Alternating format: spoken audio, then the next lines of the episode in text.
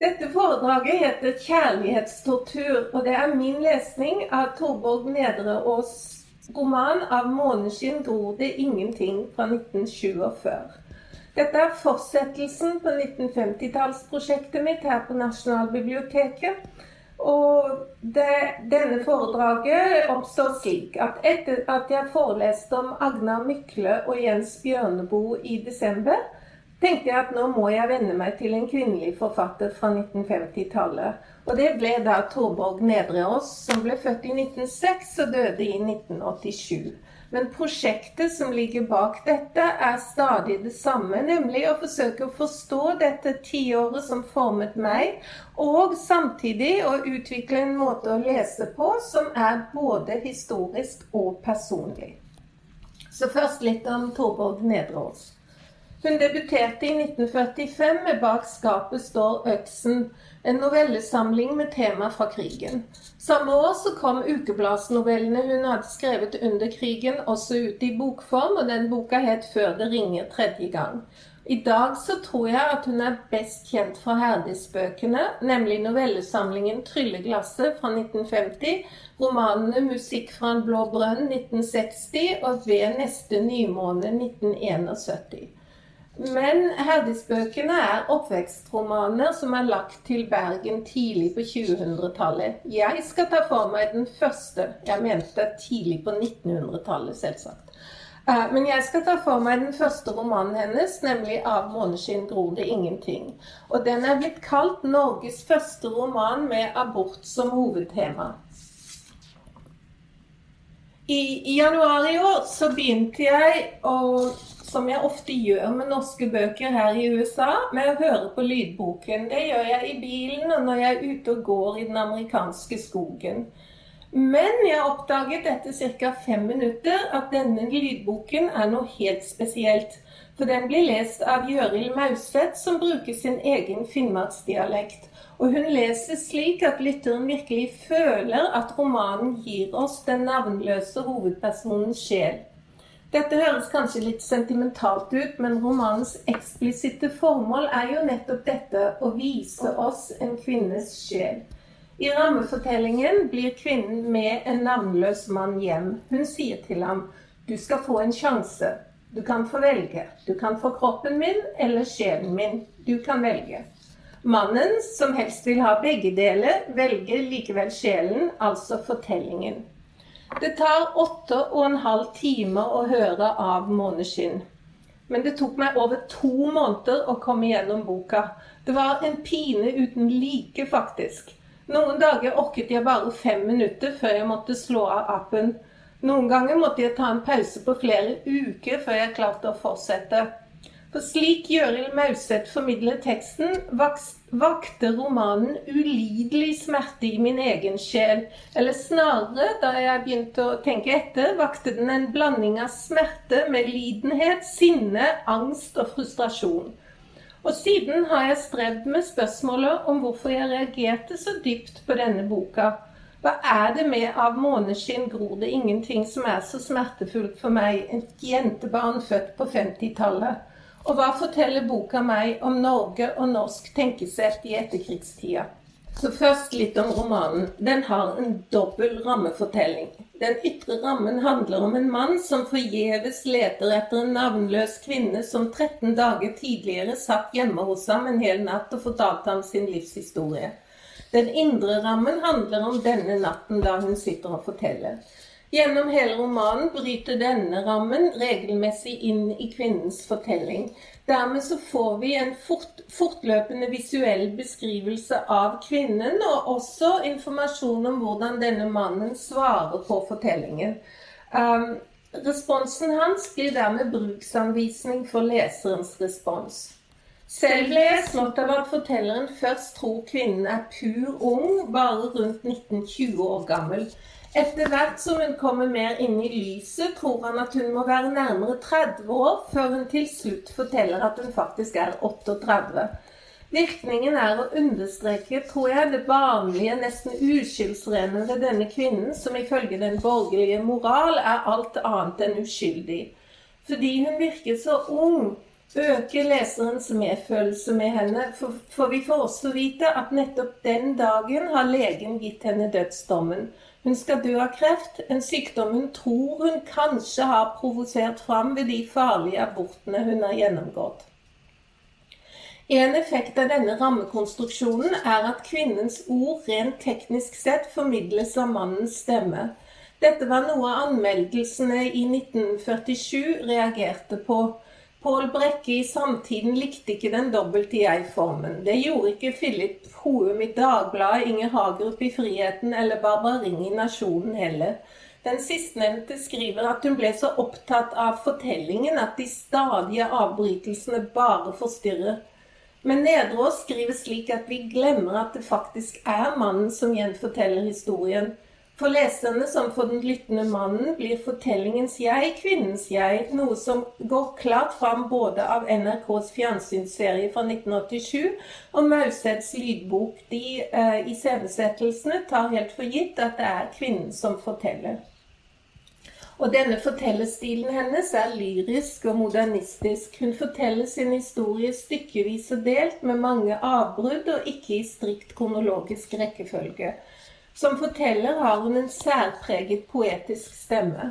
Som karakter i sin egen fortelling er hun derimot nesten stum, og det skal jeg si mer om siden.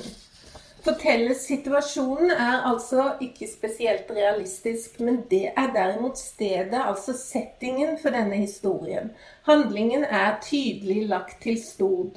Den lille byen er Lærvik. Stedet som heter Gruben i romanen, var Gruo på Litlabø, der det i dag finnes et gruvemuseum. Alt i 1864 begynte de faktisk å utvinne svovelkis på Stord. Og de drev stordrift i grua helt fram til 1968. Et sted sier hovedpersonen nokså bittert at Johannes tok for gitt at hun skulle gå tilbake igjen de seks kilometerne i nattemørket og regnet uten så mye som et kjærtegn. Realismen her er intens, for det er faktisk seks kilometer fra Lærvik sentrum til Grua på Litlabø. Størsteparten av historien fokuserer på året da hovedpersonen var 17-18 år gammel. Av fortellingen framgår det at dette må være forholdsvis snart etter første verdenskrig, kanskje en gang tidlig på 1920-tallet. Rammefortellingen foregår 20 år senere, men det finnes ingen referanse til annen verdenskrig i teksten. Så det er nok om bakgrunnen, tenker jeg. Så Da skal jeg først si noe om kjærlighetsmyten i dette foredraget. Og husk at jeg kalte foredraget 'Kjærlighetstortur', for det er slik jeg har opplevd denne romanen. Altså, Hovedhandlingen er kvinnens forhold til sin tidligere, tidligere lærer på realskolen, som heter Johannes. Kvinnen har alltid likt å lese og gikk ut av realskolen med beste karakter. Moren hadde villet at hun skulle begynne å jobbe etter folkeskolen, men faren oppmuntret henne til å ta realskolen, og ofret mye for at hun skulle ha råd til det. Men der forelsker hun seg altså i læreren. Mange jenter gjør jo det. Men, sier kvinnen, vi som er trofaste i bunn og grunn, vi bygger videre på barnesvermeriet. Dette er kjærlighet. Kjærligheten kan ikke forklares. Den er bare der. Mannen som kommer, han har vært der hele tiden, sier kvinnen. Premissene for dette forholdet blir klart allerede ved det første kjærlighetsmøtet mellom dem. Et samleie i skogen der kvinnen bare er 17 år gammel. NRKs filmversjon med Anne Krigsvold og Per Frisch i hovedrollene får dette veldig fint fram. Når scenen etter eh, scenen i skogen skifter til rammefortellingen, sier kvinnen til mannen som lytter til henne, og, som, eh, og også dermed sier hun det til oss, det var som å få et slag i ansiktet. Men det sier hun aldri til Johannes. Så nå skal vi se på den scenen. Dette er den lengste scenen jeg har med i foredraget, men den setter altså premissene for hele forholdet.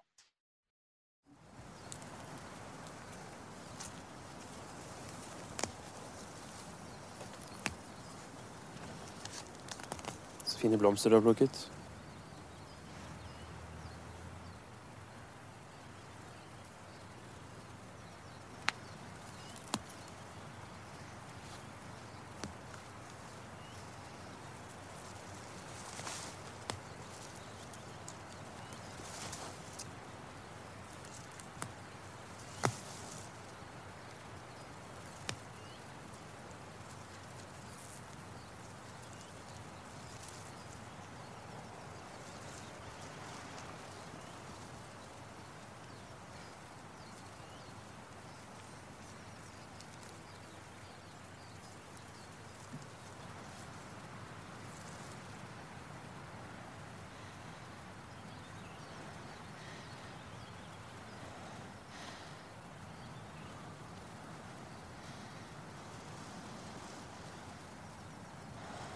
Elsker deg.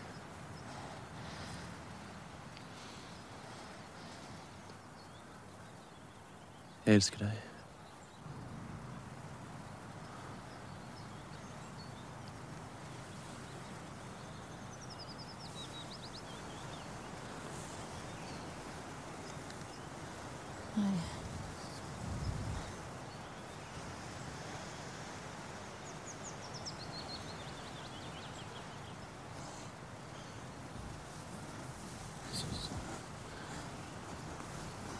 deg. Ikke vær redd.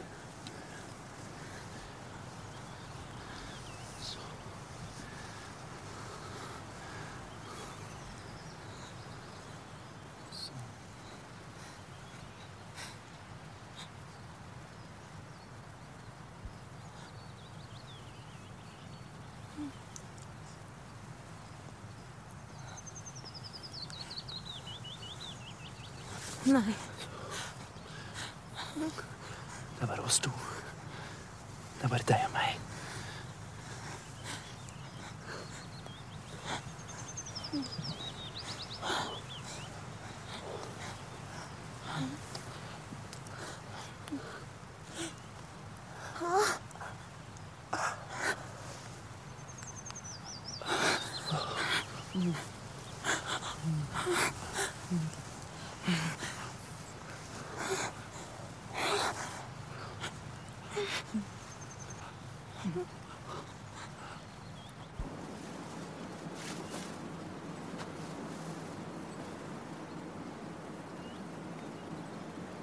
Du får vente her en stund.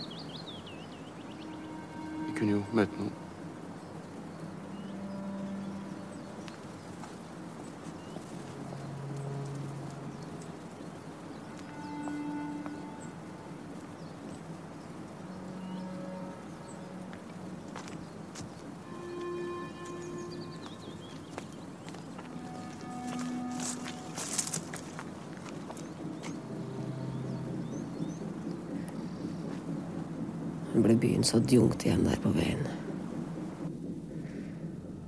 Det var som å få et slag i ansiktet. Det er ikke så godt å si hva som skjer med ei jente første gangen, men jeg trengte i hvert fall å slippe å gå alene akkurat da. Hvorfor ham og ingen andre? Kvinnen klarer ikke å finne noe svar på dette. Først sier hun at Johannes var ganske alminnelig, like begrenset som ansette samfunnsborgere flest. I neste setning sier hun at han var vidunderlig og fantastisk intelligent. Kjærligheten kan ikke beskrives. Den går ikke an å fange den i ord. Den fratar henne dømmekraften. Den bare treffer henne som en uavvendelig skjebne. Kjærlighet er, sier hun, at du blir så urimelig lykkelig og blank innvendig ved et bestemt menneske. Og for denne kvinnen er Johannes rett og slett den eneste rette. Får hun ikke ham, vil livet hennes gå i stykker. Og hun uttrykker det veldig vakkert i en scene fra TV-serien som vi skal se nå. Johannes.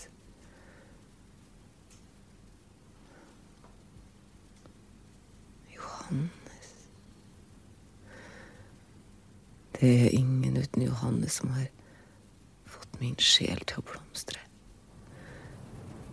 Og tenk deg drysset av stjerna i meg. Slik den fremstår i Av måneskinn, er kjærligheten for kvinner uavvendelig skjebne hinsides fornuften. Ingen av romanens menn ser ut til å lide av kjærligheten på denne måten. Dermed blir romanen en ny versjon av den gamle romantiske kjærlighetsmyten slik den er blitt servert til kvinner i den vestlige verden de siste par hundre år. For kvinnen, men ikke mannen, er kjærlighet selve skjebnen. Som lord Byron en gang spissformulerte denne myten. Man's love is a man's life apart. It is a woman's whole existence. Altså, for en mann er kjærligheten en del av livet, men den er kvinnens hele eksistens. Jeg får inntrykk av at romanen vil at vi skal beundre denne kvinnen for hennes trofasthet og kjærlighetsevne, uansett hvor selvdestruktiv den er. Men det viktigste for Nederås er å vise at kjærligheten er kroppslig, og at kroppen alltid inngår i et klassesamfunn. Dermed blir denne kjærlighetsromanen også til en grufull abortroman. For Av måneskinn handler om abort i arbeiderklassen. Romanen er full av scener der kvinner vrir seg i smerte og blør og blør og blør. Moren har flere aborter. Søsteren tar abort. hovedpersonen gjør det selv flere ganger. Alle abortene er selvsagt ulovlige og medisinsk helt uforsvarlige i den forstand at de foretas med strikkepinner og det som verre er. Noen deler av romanen framstår som den svarteste naturalisme, Uansett hva de gjør, er arbeiderklassens kvinner dømt til blod, slim og smerte. Um, organisten Mork, som er personens, hovedpersonens eneste venn, hans kjæreste døde av sitt abortforsøk. Det hele topper seg i den avsluttende beskrivelsen av fortellerens egen strikkepinneabort. Den er vondefull å lese, og jeg skal i hvert fall ikke sitere den her. Skammen ved å bli ugift mor er så intens, og fattigdommen og slitet så stort for gifte arbeiderkvinner at kvinner drives til å ta abort uansett hvor gjerne de vil ha barnet. Men samtidig straffer samfunnet abort med fengsel. I 1947 var Nedreås medlem av NKP, altså Norges kommunistiske parti, og abortsynet Av måneskinn er stort sett i pakt med partilinja. På 1930-tallet så NKPs kvinner abortkampen som en uløselig del av arbeiderklassens kamp mot kapitalismen og imperialismen. Alt i 1928 skrev Dagmar Eilert, sentralstyremedlem i NKP og selv ugift mor, en slående artikkel om en urettferdig fosterfordrivelsesdom som endte med oppmaningen 'Vekk med paragraf 245! Dø over det kapitalistiske samfunnet', skriver Dagmar Eilert. Og straffelovens paragraf 245 var altså den som gjorde abort straffbart både for kvinnen og de som hjalp henne. Klassesamfunnet tvinger arbeiderklassens kvinner til abort, og problemet vil ikke bli løst før kapitalismen er avskaffet, var NKPs kvinnes syn. Og det overensstemmer i stor grad med det som framgår av romanen. For de kommunistiske kvinnene var abortsaken altså et klasseproblem og ikke et generelt kvinneproblem. Og dette var et forståelig syn. Alt i 1917 skrev Katti Anker Møller at kvinner i overklassen kan skaffe seg kunnskap om hvordan man begrenser barnetall til det ønskelige i hvert tilfelle.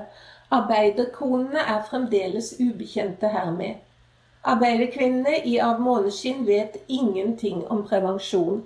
Selv om Mork forteller hovedpersonen hvem det var som motarbeidet opplysning om barnebegrensning, har hun slett ikke mot og krefter til å finne ut mer om emnet. Realskolelæreren Johannes ser også ut til å være fullstendig uvitende om prevensjon. Dermed blir ungjenta gravid to ganger på ett år. Likevel må opplysning ha vært tilgjengelig, for når øh, hun, kvinnen gifter seg noen år senere, får hun ikke barn fordi mannen ville vente med det. Altså må de ha visst hvordan de skulle ha ventet med det. Fordi det ikke finnes prevensjon i denne romanens hovedhandling, framtrer forholdet mellom kjærlighet og forplantning som naturlig, direkte, intenst og fatalt. Nedbrås legger ikke skjul på sitt politiske og sosiale program. Arbeiderklassens kvinner drives til abort av skam og nød. Og viktigst av alt, ethvert barn skal ha rett til å bli født. Vi må få et samfunn som har bruk for kraften og evnene og livsgleden til hver eneste liten menneskeunge som finner på å ville inn i denne verden, sier organisten Mork. For å få dette til må vi forbedre levekårene for arbeiderklassen og bekjempe den trangsynte og småskårne lutherske moralen. Scenen der hovedpersonen aborterer mens hun sitter forkommen i kirken under gudstjenesten og lytter til Morks orgelspill for siste gang før han går hjem og dreper seg, er selvsagt ekstremt melodramatisk, men den er også en effektiv metafor for disse temaene. Men denne romanens abortsyn er ikke det samme som kvinnebevegelsen kom til å stå for for 25 år seinere. På 1970-tallet snakket vi om kvinners rett til selv å bestemme om, over sin egen kropp. Men denne type kvinnefrihet er ikke et tema i romanen. Selv om Nedreås på 1970-tallet stilte opp for retten til selvbestemt abort, sa hun ærlig at hun fremdeles var ambivalent. Og nå siterer jeg et intervju hun ga rundt 1975. Vel, sier hun, i Av måneskinn tar jeg ikke stilling for eller imot selvbestemt abort, selv om jeg i dag går sammen med dem som er for. For det er jo også en bok om barnets rett til å bli født. Forstår du hvor delt jeg er? Jeg tenker f.eks. på at hvis det hadde vært selvbestemt abort for 68 år siden da mor skulle ha meg, ja, da hadde jeg ikke sittet her da. Det er forskjell på å være for kvinners rett til å bære fram alle sine barn i gode og trygge levekår, og kvinners rett til selv å bestemme over sine reproduktive valg. Det første er selvsagt en forbedring på den situasjonen som en ser i romanen, men det er også fullstendig forenlig med alskens religiøse og patriarkalske og pronatalistiske holdninger. Bare det siste handler om frigjøring. Som nåtidig leser av, av 'Måneskinn' ble jeg slått av Nedre Åses idealiserende, nesten romantiske oppfatning av svangerskap og graviditet. Hun insisterer på at kvinner som elsker, fylles av nat en naturlig lengsel etter å få barn. Den irrasjonelle kjærligheten streber etter å skape nytt liv. Etter fem lykkelige dager på kjærlighetsferie med Johannes får kvinnen ta på søsterens gravide kropp. Og så sier hun jeg kjente det levde i henne, det levde inni maven på henne. Og siden kjente jeg meg så ensom. Og ja, det var så merkelig, for det var ingenting som levde i meg. Jeg elsket, jeg var lykkelig, men det var bare kroppen min og ingenting i den. I en artikkel om denne romanen som snart kommer ut, viser Frode Lerum Boasson at Nedreås i denne romanen faktisk fremstår som en vitalist på venstresiden. Dvs. Si at hun fremstiller det hun kaller livet som en slags uforklarlig kraft som kveles av en livsfiendtlig samfunnsutvikling. Og det tror jeg han er veldig rett i. Særlig fordi eh, Boassons tese styrkes av ukebladsnovellen 'Den sterkeste', som kom ut i samlingen før det ringer tredje gang i 1945. Der er det faktisk veldig mange paralleller med graviditeten i uh, romanen jeg snakker om. Og der har vi også et eksempel på en kvinne som forsøker å hoppe og springe og ta varme bad og løfte tungt osv. for å bli kvitt graviditeten. Til slutt så vil hun drukne seg i sjøen.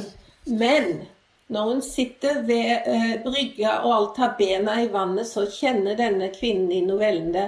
Hun var ikke alene, står det. Det rørte på seg noe inni henne. Et bløtt og kraftig rykk. Det levet, det var levende liv inni henne. Så klatrer denne hushjelpen opp fra bryggekanten, klamrer hendene omkring magen og går hjem og legger seg. Det abstrakte livet har hevdet sin rest. Ifølge Nederås er kvinnekroppen en irrasjonell bærer av dette livet.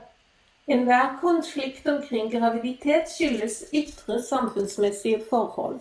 Samfunnet kan forbedres, men kjærligheten og forplantningsønsket ser ut til å være naturgitt og kan aldri endres.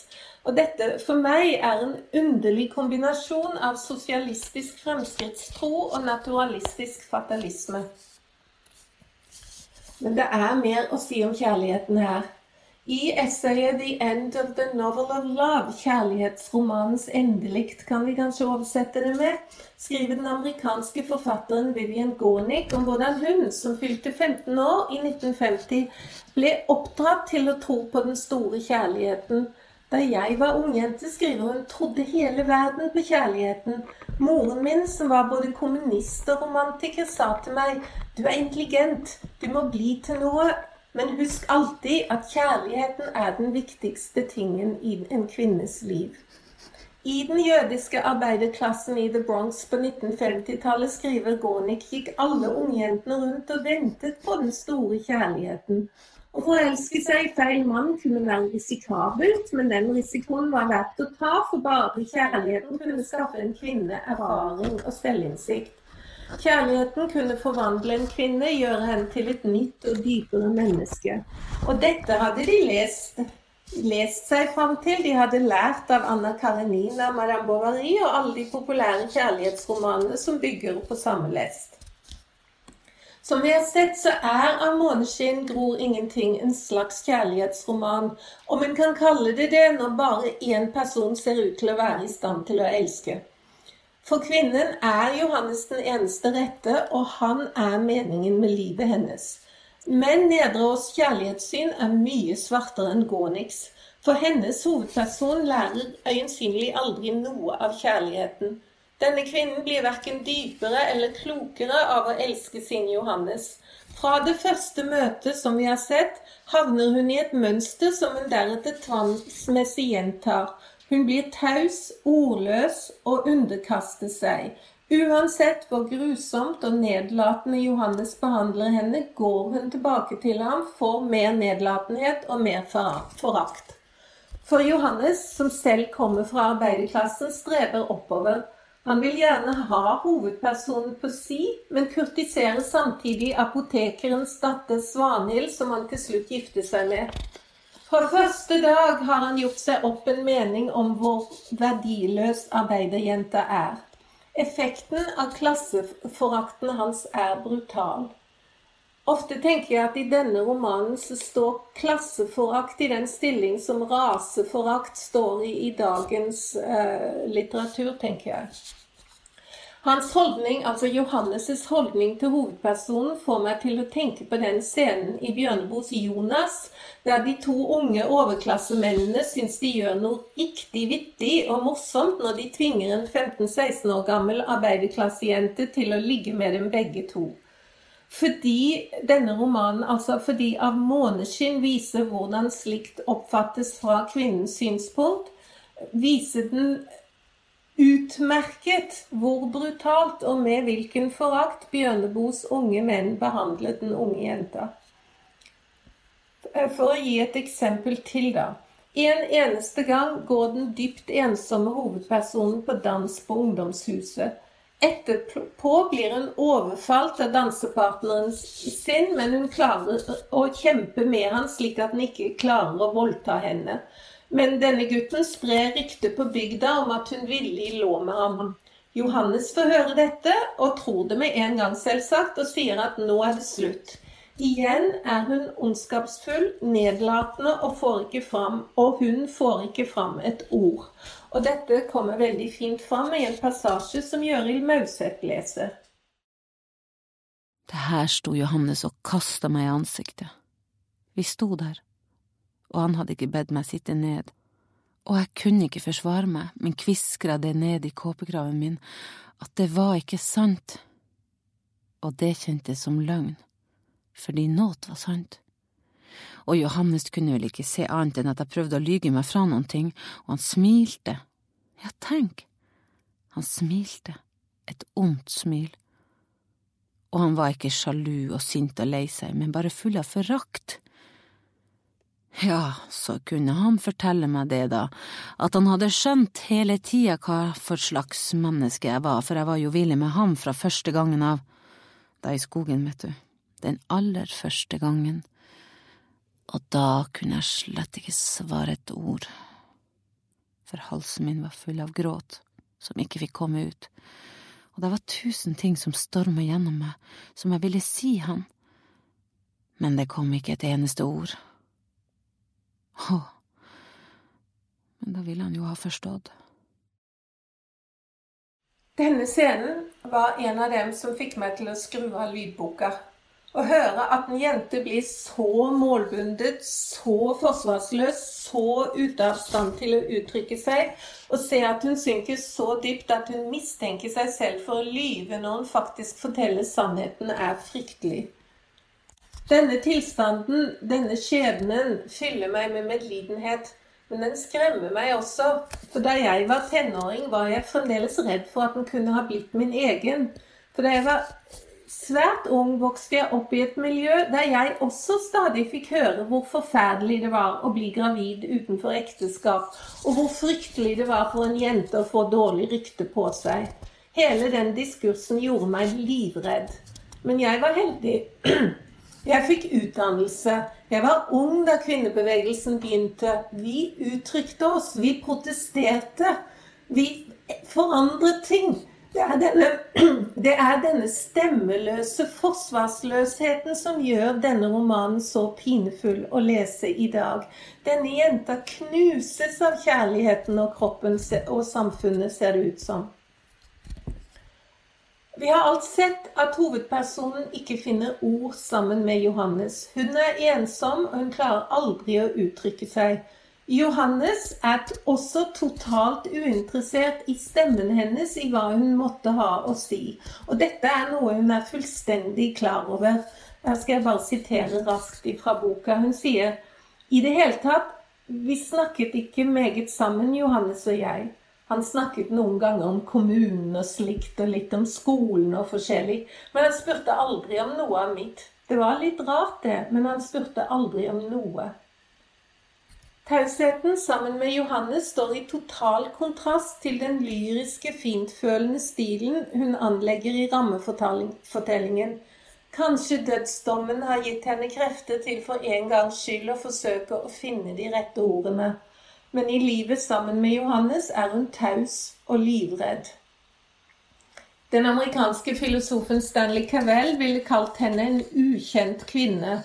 Selv i et kjærlighetsforhold er hun alene, for den andre viser ingen interesse i å finne ut hvem hun er. Nedre og styrke er at hun viser utrolig sympati for og medlidenhet med kvinnen i en slik situasjon.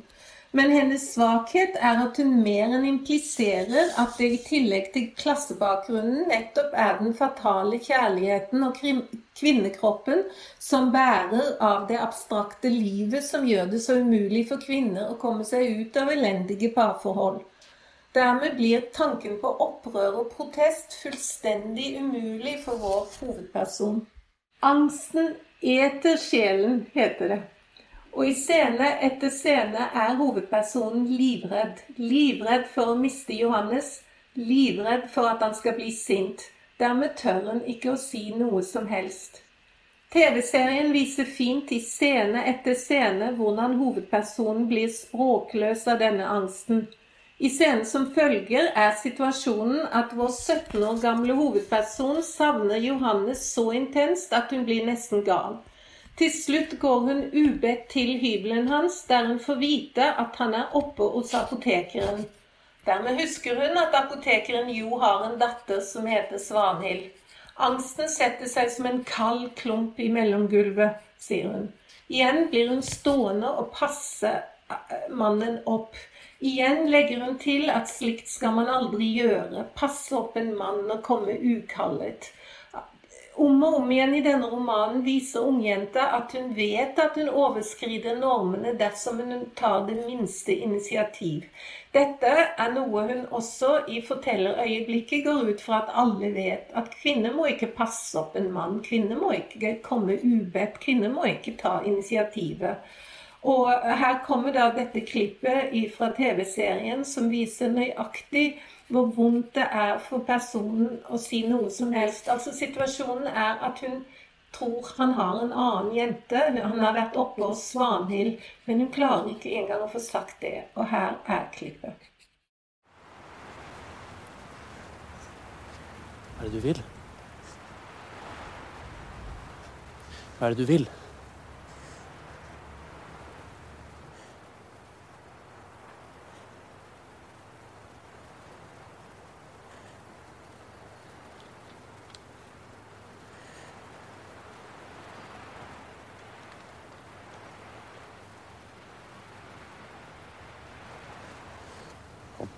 Kom her.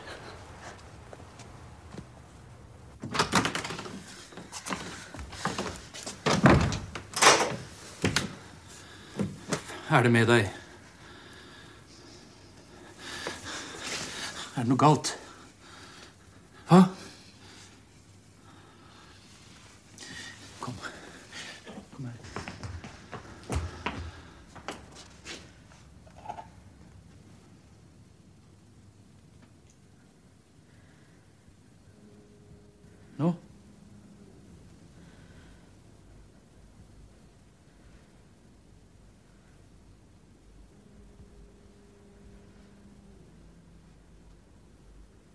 Men så svar, da!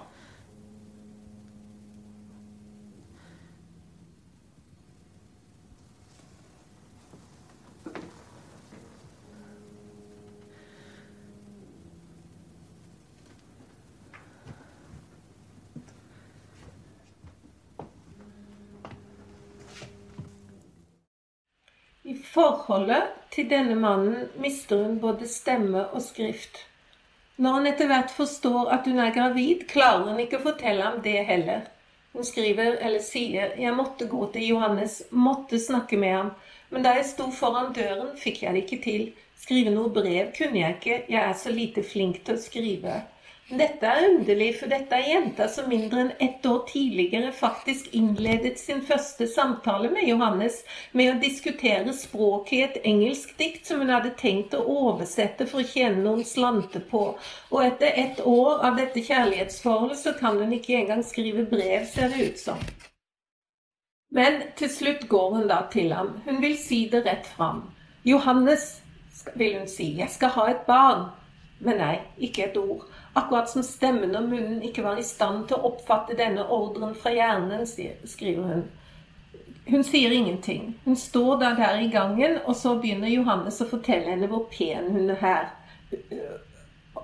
Da sier hun, og jeg lot ham ta av meg kåpen og tenkte at nå må jeg si det, nå sier jeg det, men jeg sa ingenting. Og da han snørte av meg støvlene, sa jeg heller ingenting. Og alt det som jeg ikke kunne si, gjorde kroppen min til en ulykke av villskap da han tok meg inntil seg.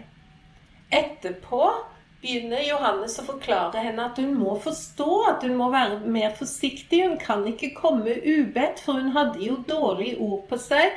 Og, hun, og han var jo lærer på realskolen osv. Han snakker og snakker og snakker og ser ikke på henne. Og da kler hun på seg og vil gå uten å få sagt at hun er gravid. Da hun står der påkledd og klar til å gå, så blir hun slått aldeles ned av en gråt hun ikke kunne rå med. Og så fortsetter scenen slik i Gjøril Mauseths versjon. Men han ville jo gjerne trøste meg, da, vet du. Han tok omkring meg og strøk meg over skuldrene og sa at vi skulle reise vekk en tur igjen en gang. Vi skulle reise vekk fra byen, for her var det så mye sladder, og alt ble annerledes om vi bare kom oss vekk litt, når bare jeg var fornuftig og ikke ville legge for mye i det. Ja, ja, sånn. Litt etter slutta jeg å gråte, og så ga han meg vottene mine, og han tok omkring meg igjen da jeg skulle gå, og kysse ansiktet mitt jeg måtte ikke gråte som var så ung og pen. Og nå måtte jeg gå hjem og ta det med ro og ikke tenke så mye tull som gjorde det vanskelig både for han og for meg. Men jeg blei stående. Jeg ville gå da, men jeg blei stående, og jeg merka at han ville jeg skulle gå, men jeg blei stående. Han så på meg, han ante vel noen ting. Han spurte om det var noe spesielt, og jeg ble stående, og jeg kunne ikke si noen ting. Han tok meg om armen og ville føre meg til døra. Han snakka vennlig og var redd for noen ting. Da tok jeg handa hans vekk fra armen min, og så sa jeg det. Jeg er med barn, sa jeg. Ingenting av det jeg hadde forberedt på at jeg skulle si, bare det her. Det var stille lenge, eller kanskje var det ikke så lenge heller, det var bare jeg som syns det, for jeg tror nesten vi glemte å puste begge to, det var så forferdelig stille. Alt det som hendte da, kan jeg ikke fortelle sammenhengende. Han sa jeg løy, han sa jeg hadde funnet på det her for å få tak på ham, men det skulle ikke lykkes med. Han kalte meg for stygge ting, ord jeg ikke kan gjengi, han var fra seg. Hvis det var penger jeg ville presse av ham, så kunne jeg flå han om jeg ville, han hadde ikke så mye. Jeg sto der jeg sto, jeg husker det var svært rolig inni meg, ei ond ro, Det ene øyeblikket ba han meg pakke og forsvinne, det neste om at jeg skulle sitte ned så vi kunne snakke rolig om det her. Jeg sto aldeles stille. Han sa jeg ville ødelegge han. Hvis det var gifte meg ville, så måtte jeg vite at han kunne ikke gifte seg med hvem som helst. Ja, han var aldeles fortvilt, og jeg kunne ikke la være å synes synd i ham. Å lese av Måneskinn gror det ingenting var som å legge på seg tungt åk.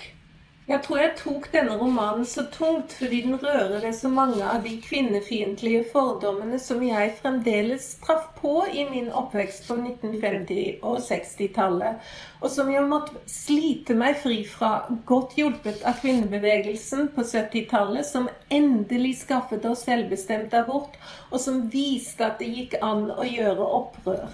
Romanen er utrolig deprimerende i sitt syn på kjærlighet og svangerskap. Jeg tror ikke på det abstrakte livet som Nedreås styrker i denne teksten. Ei heller tror jeg på den vestlige kjærlighetsmyten om den eneste rette som jeg virkelig håper har gått ut på dato nå.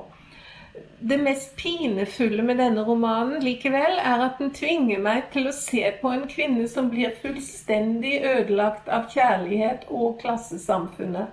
Det er dette tittelen på romanen, altså 'Av måneskinn gror det ingenting', det er dette tittelen henspiller på, noe som kommer fram i den følgende scenen fra TV-serien. Og her ser vi da også et glimt av Ivar Nørve, som spiller den trofaste mannen som lytter på henne i rammefortellingen. Og her kommer da dette klippet som forklarer oss tittelen.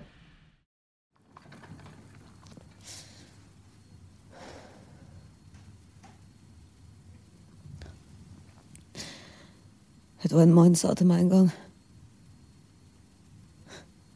Nå springer tankene mine. Han sa Av måneskinn gror det ingenting. Jeg kom til å tenke på det forleden. Da den mannen som jeg har elska i hele mitt liv, lå snorka ved siden av meg. Jeg ble så forbitra på meg sjøl, på han, på hele tilværelsen at At jeg holdt på å drepe henne. Herregud. Men det er ikke hans skyld at jeg er glad i ham. Men han er alle de kreftene som jeg har forspilt her i livet. Han er alt det som er slått i stykker inni meg. Og det er det her som gjør at menneskene tuller sånn. Det at de lar sin verden gå sin skeive gang og leve i sitt eget måneskinn og ikke kan se, ikke vil se det. At måneskinnet bare er et kaldt refleks av sollyset.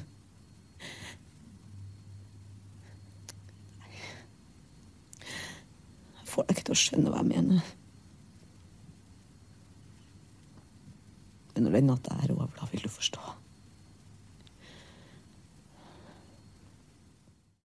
Om denne ungjenta hadde skrevet til en spørrespalte etter sitt første møte med Johannes i dag, ville hun fått et klart og tydelig råd.